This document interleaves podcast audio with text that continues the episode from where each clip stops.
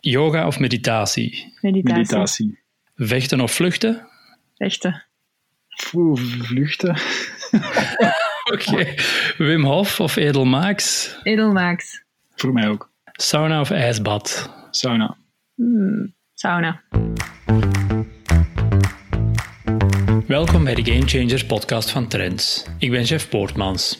In deze aflevering koppelen we ademhaling aan technologie om helemaal zen te worden. Maar eerst een vriendelijke oproep om de podcast te delen of om een recensie achter te laten via je podcast-app. In deze aflevering zijn Stefanie en Michael Broes te gast. Zij zijn de oprichters van Moonbird, een Belgische start-up die mensen via technologie helpt met hun ademhalingsoefeningen en meditatie. Moonbird is goed een jaar oud en heeft al een eerste product op de markt.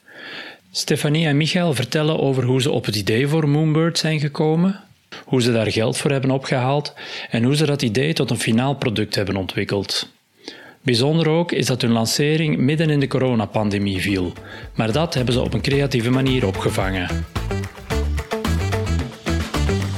Ja, beginnen bij het begin. Uh, Moonbird, uh, het bedrijf dat jullie, denk ik, uh, eind 2019 hebben opgestart. Um, ja, wat is Moonbird precies? Wat, wat doen jullie? Moonbird is eigenlijk een toestelletje dat mensen ondersteunt bij het uitvoeren van ademhalingsoefeningen. Um, maar daarnaast is er ook een app waar dat mensen optioneel naar een extra stemassistent kunnen luisteren om bepaalde extra begeleiding te krijgen over ademhaling, over uh, stress, angst en slaapproblemen en zo verder. Um, dat is ons eerste product. Waar is het idee vandaan gekomen? Want ja, ademhaling en stressreductie is veel rond te doen, maar om het dan in, in een product te ontwikkelen en, een, en bijkomend een app erbij te ontwikkelen, hoe, hoe is dat gegroeid en van waar kwam dat idee? Maar ik ben eigenlijk zelf al lang bezig met meditatie en yoga. En ik merkte in mijn omgeving dat daar eigenlijk ook wel veel interesse in begint te komen, maar dat veel mensen soms nog niet weten hoe dat ze daar moeten aan beginnen. En ik wou iets ontwikkelen om mensen eigenlijk het makkelijk te maken om te starten met ademhalingsoefeningen, om, om te starten met meditatie. En ik wou dat heel tastbaar maken. Uh, daarmee zijn wij op zoek gegaan naar een fysieke manier, een tactiele manier waar we mensen op heel intuïtieve wijze daarbij kunnen begeleiden. En is dat in een soort aha-opplakkering bij jou gekomen van ja, dat moet het zijn? Of is dat iets dat stelselmatig gegroeid is, de manier waarop het product, uh, of het product wat het nu geworden is? Wel, daar is eigenlijk een fijne uh, anekdote uh, die daarbij hoort. En dat is dat ik bij, dus, bij Stefanie ging eten op een avond. We woonden vlak bij elkaar in Brussel, een straat van elkaar. Op een avond zaten we daar en er was iemand die vertelde aan tafel dat ze last had van angst en paniekproblemen uh, en daarvoor ademhalingsoefeningen werd aangeraden. Uh, en ze zei van ja, ik slaag er niet in om die te blijven doen. Ik weet niet meer goed hoe ik ze moet doen. En ik weet ook niet welk effect dat ze hebben op mijn lichaam. En dan uh, zaten we aan tafel en waren we aan het nadenken over een slimme stressbal, een slimme avocado, die dan ademhalingsoefeningen zou voordoen, maar ook het effect ervan zou meten. En dan zijn we die avond blijven brainstormen en nadenken over een, een, een gelijkaardig toestel, of, ja, laten we zeggen de, slimme avocado. En zijn we echt letterlijk de volgende ochtend naar een productontwikkelaar gereden met ons idee. En gevraagd van oké, kan je ons een idee geven uh, van welke budgetten we hiervoor nodig hebben en welke partijen we moeten samenbrengen. En zo is dat dan van verkennende afspraken uh, gegaan naar echt een due diligence van de partij waarmee we, waarmee we wouden samenwerken. En dan uiteindelijk uh, werd het heel concreet. Om daar nog aan toe te voegen, dat idee van dat bewegend voorwerp kwam eigenlijk gewoon vanuit de natuur. Um, als een soort van, gelijk een diertje of een baby die dat je op je borst zou nemen, om, uh, ja, die dat dan ook ademt en wat beweegt. En dat je daar eigenlijk op heel intuïtieve wijze ga je mekaars uh, ritme gaan overnemen. Dat helpt zo om baby's rustiger te maken en zo verder. En dus dat idee wouden we eigenlijk ja, nabootsen met een voorwerp dat je dan in de hand houdt. Ja, want om, om duidelijk voor de geest te hebben, welke is de onderliggende uh, techniek of onderliggende wetenschap die jullie in, in Moonbird hebben ingebed? Uh, wat zit daarachter? Dus de wetenschappelijke basis die er eigenlijk al was en waar jarenlang onderzoek naar gedaan is, gaat uit van uh, trage ademhalingsoefeningen. En dat die een impact hebben op verschillende fysiologische processen in jouw lichaam. Um, en dus als je rond een ritme van zes ademhalingen per minuut, wat ongeveer de helft is van een normaal ademhalingsritme, ademt, dan gaat jouw hartslag naar beneden gaan, dan gaat je bloeddruk verlagen, je gaat minder cortisol hebben in je bloed na verloop van tijd en zo. Dus allemaal uh, positieve effecten die met name van belang zijn voor mensen die last hebben van stress en stressgerelateerde klachten.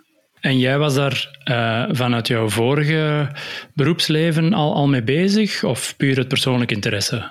Ah, ik heb uh, biomedische wetenschappen gestudeerd en een doctoraat in de farmaceutische wetenschappen, dus ik ben wel een beetje medisch geschoold en daarmee mee. Uh, maar het is eigenlijk vanuit een privé-interesse dat ik uh, met meditatie en zo gestart ben. En dat ik dan ook eigenlijk ben gaan kijken van wat is de wetenschappelijke achtergrond daarachter? Wat zit daar eigenlijk achter? Wat, zijn de wat is de impact daarvan op ons lichaam? En dat is super interessant en dat is eigenlijk heel mooi, want dat is een wetenschappelijk domein dat eigenlijk nog maar in zijn kinderschoenen staat, waar dan nog heel veel in te doen is. En daar willen wij um, natuurlijk veel aan, aan doen en helpen.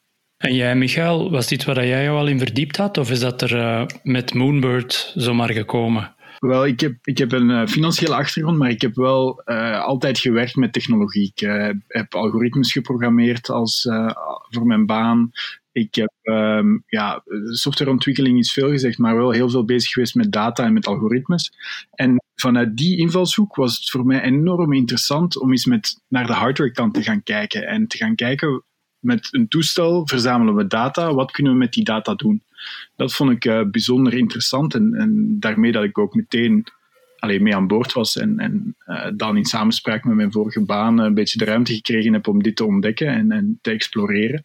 En zo is het voor mij gegaan. Er is eigenlijk nooit een dag geweest waarop er een keuze gemaakt is. Het is zeer organisch en vanzelfsprekend gebeurd. Ja, en ja, ook om, om het voor de, voor de luisteraars een beetje um, concreet voor de geest te krijgen. Wat doet jullie apparaat als ze ermee aan de slag gaan? Uh, hoe ziet het eruit en hoe, hoe wordt het gebruikt? Dus het ziet eruit als een, um, een avocado of een peer of zoiets dat je in de hand zou nemen. En daar, dat hoofdje of zo, dat heeft dan een sensor en daarmee kan je je hartritme detecteren.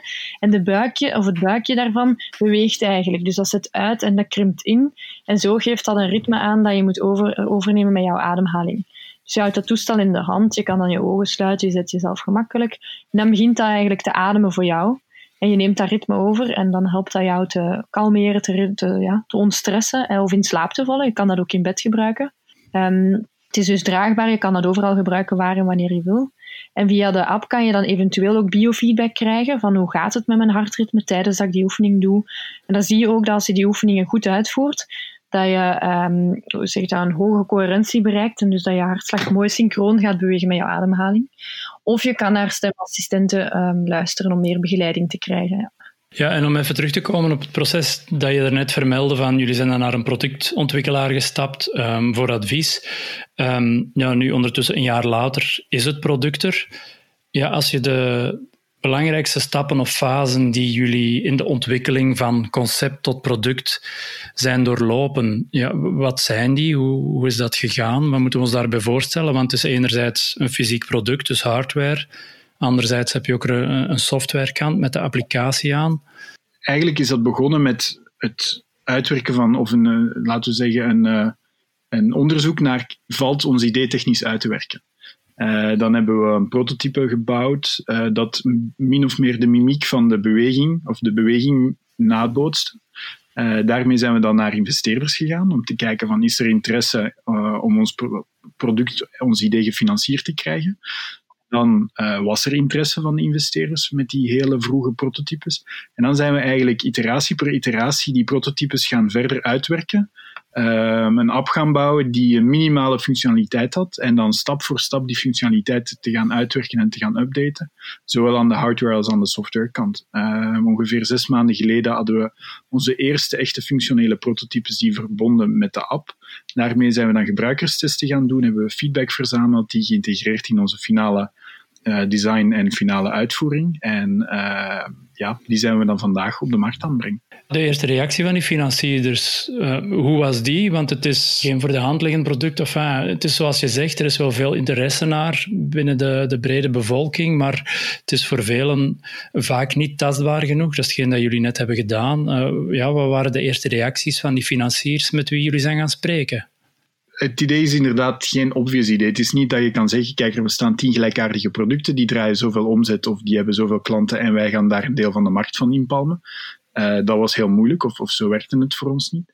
Maar ik denk dat de complementariteit van ehm, Stefanie en mezelf als team ehm, een grote rol speelde. Ehm, en ook het feit dat we heel vroeg al die uh, ondersteuning hadden van de wetenschappelijke kant van de zaak. Uh, er waren dokters en artsen die ons heel vroeg hadden betrokken in een, in een onderzoeksproject.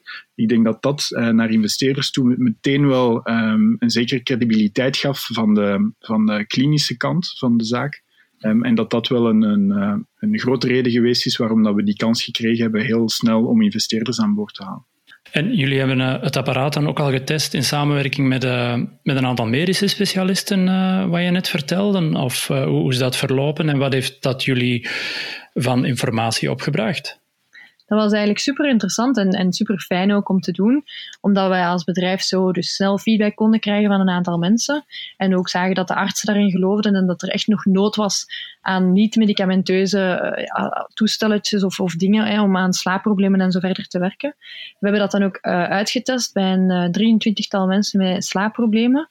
En die hebben veel feedback gegeven. Uh, en er waren zelfs een aantal mensen die na het project zeiden van oh, ik wil mijn Moonbird terug, want ik sliep toch zo wel beter toen. Uh, dus ja, dat is als start-up is dat fantastisch om dat te horen. Hè. En daarnaast hebben we ook een samenwerking met professor Steven Laurijs. Uh, hij is neuroloog um, en ook onze head of science. Hij staat ook echt, achter het... Um, uh, de tool en, en vindt ook dat er meer aandacht moet zijn naar ademhalingstechnieken en, en meditatie en zo. Dat spreekt vanzelf. En met hem hebben we ook gekeken naar de impact van uh, ademhalingsoefeningen op de hersenen. Daar hebben we dan gezien dat er minder uh, hersenactiviteit is um, die dat voorkomt wanneer je eigenlijk uh, aan het denken bent of probleemoplossend aan het denken bent, dat die afneemt. Dus dat je eigenlijk echt in een rustige staat terechtkomt, zoals dat je kan vergelijken met vlak voordat je in slaap zou vallen, zo die staat. Nu ja, jullie zijn eh, goed een jaar bezig um, en het product is er. Maar als je erop terugkijkt op het parcours um, dat jullie hebben afgelegd al, ja, wat waren de voornaamste uitdagingen of obstakels die jullie hebben overwonnen in dat afgelopen jaar? Um, wel, het is vooral een heel interessant avontuur geweest, omdat we vanuit het Belgische, of laten we zeggen het Vlaamse start-up landschap, heel snel goed om, het, geluk hebben gehad om ons goed te laten omringen. Uh, er waren partijen zoals IMEC iStart, die KBC started, die echt van, een fantastische omkadering gaven uh, voor ons als onervaren ondernemers om ons idee uit te werken op een gestructureerde en, en uh, laten we zeggen, een omgeving waarin raad en advies nooit ver weg was. dat was een, enorm, ja, een enorme verrijking en verademing eigenlijk. Dat heeft een heel deel van de stress en onwetendheid van onze schouders gehaald. Maar desalniettemin zijn er natuurlijk heel veel moeilijke momenten gekomen. Uh, hardwareontwikkeling is vrij duur. Uh, neemt heel veel risico met zich mee, omdat je, wanneer je een prototype maakt en het werkt niet bijvoorbeeld, dan ben je snel tijd en geld kwijt. Er was toen dat we in het project van IMEC startten, uh, de eerste keren waar ontmoeten we andere startups en toen zeiden ze tegen ons, ah, doe je hardware of software? We zeiden ja, hardware. Ah, oh nee, daar zou ik zo aan mee stoppen. Zeg, dat is niks aan problemen en al. Dus wij dachten toen, oei oei, waar staan wij voor? Uh, gelukkig is het bij ons nooit niet zo dramatisch geweest, maar we hebben wel, denk ik, de typische hardware-problemen, die zijn we wel tegengekomen, ja. Absoluut. Zoals? Want ja, ik kan er mij niks bij voorstellen, maar... Een, een heel concreet voorbeeld is vandaag, wij willen produceren. Maar uh, door uh, COVID-19 uh, zijn er directe en indirecte problemen op de componentenmarkt van de elektronica. Wij willen onze chip, zal ik zeggen, onze PCB, willen wij nu bouwen, maken, maar er zijn geen componenten beschikbaar. Allee, bepaalde componenten zijn heel schaars geworden en dat kan nog maanden duren. Dat is nu gewoon een heel praktisch voorbeeld. We zijn klaar om ons product te bouwen, maar we moeten heel hard werken om de componenten gesourced te krijgen. Dat is een probleem dat je niet met software hebt, uh, maar wel met hardware. Ja, en dan wat betreft de, de productie van, van de Moonbird, waar zijn jullie daarvoor te raden gegaan en waar wordt die geproduceerd? Wel, wij wouden eigenlijk eerst onze productie, of hebben we bekeken om dat in China te doen. Maar dat kost gewoon, dat is heel moeilijk om dat van op afstand allemaal te begeleiden en op te volgen. En dan hebben wij besloten, omdat we ja, erg op de productie wouden zitten van dichtbij, om dat in België te doen. Uh, dus we werken eigenlijk volledig samen met lokale partners, zowel voor het bedenken als het ontwikkelen, als het designen, als het nu ook produceren van de eerste Moonbirds gebeurt volledig lokaal in België. Ja, eh, sprekend over corona. Uh, want jullie lancering uh, viel midden in de coronapandemie, maar dat hebben jullie wel op een bijzondere manier uh, proberen opvangen, um, als ik gezien heb. Ja, hoe, hoe hebben jullie dat ervaren als startende ondernemers en hoe is dat gegaan? Ja, we hadden inderdaad een aantal persberichten geschreven om wat aandacht te trekken naar ons product. En een week later was de pers gewoon bedolven onder de coronaberichten. Um, dus dan hebben we daar proberen van, ja, de, moet zeggen, de, de tegenslag een opportuniteit proberen te maken.